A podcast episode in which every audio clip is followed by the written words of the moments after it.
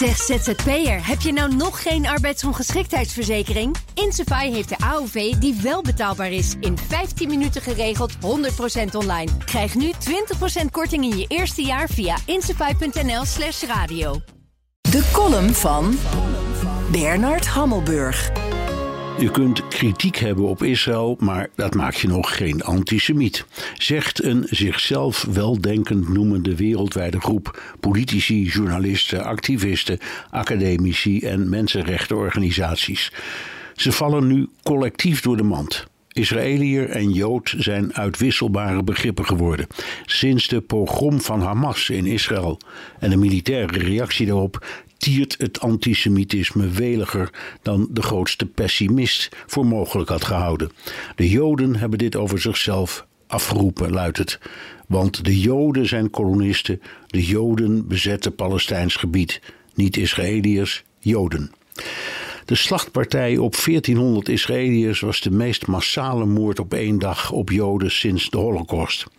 De antisemitische tsunami die erop volgde, houdt gelijke tred en doet veel Joden terecht aan de zwartste periode uit hun geschiedenis denken. De Israëlische VN-ambassadeur droeg in de Veiligheidsraad een gele Jodenster. Joden in de hele wereld worden verantwoordelijk gehouden.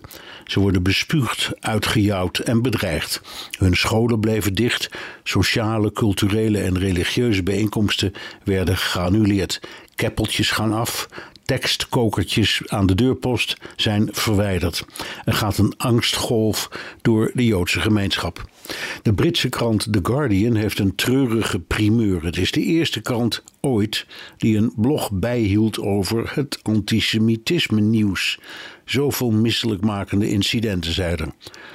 Michael O'Flaherty, directeur van het EU-agentschap voor fundamentele rechten, legde de vinger op de zere plek. Antisemitisme is een vorm van racisme die diep in de Europese samenleving zit. Maar het beperkt zich niet tot Europa.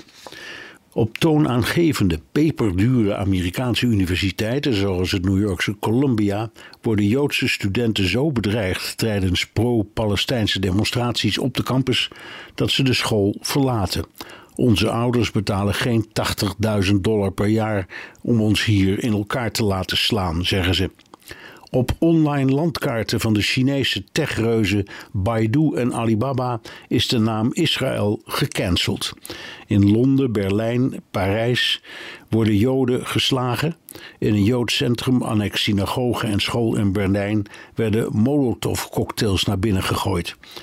In de Russische Republiek Dagestan werd een vliegtuig door een woedende antisemitische teksten scanderende menigte bestormd omdat het uit Tel Aviv kwam. Er zijn beelden van, maar Poetin noemde het een onzinverhaal. Oekraïne en het Westen zaten erachter. Logisch toch? Na de massamoord op 7 oktober waren de Israëliërs heel even zielig. Logisch dat ze Hamas wilden verslaan. Binnen een paar dagen was het allemaal de schuld van Israël zelf en al meteen van de Joden. Het meest bedreigend zijn de asociale media. Ik prijs mezelf opnieuw gelukkig dat ik daar niet op zit. Zeg ZZP'er, heb je nou nog geen arbeidsongeschiktheidsverzekering? Insafai heeft de AOV die wel betaalbaar is. In 15 minuten geregeld, 100% online. Krijg nu 20% korting in je eerste jaar via insafai.nl slash radio.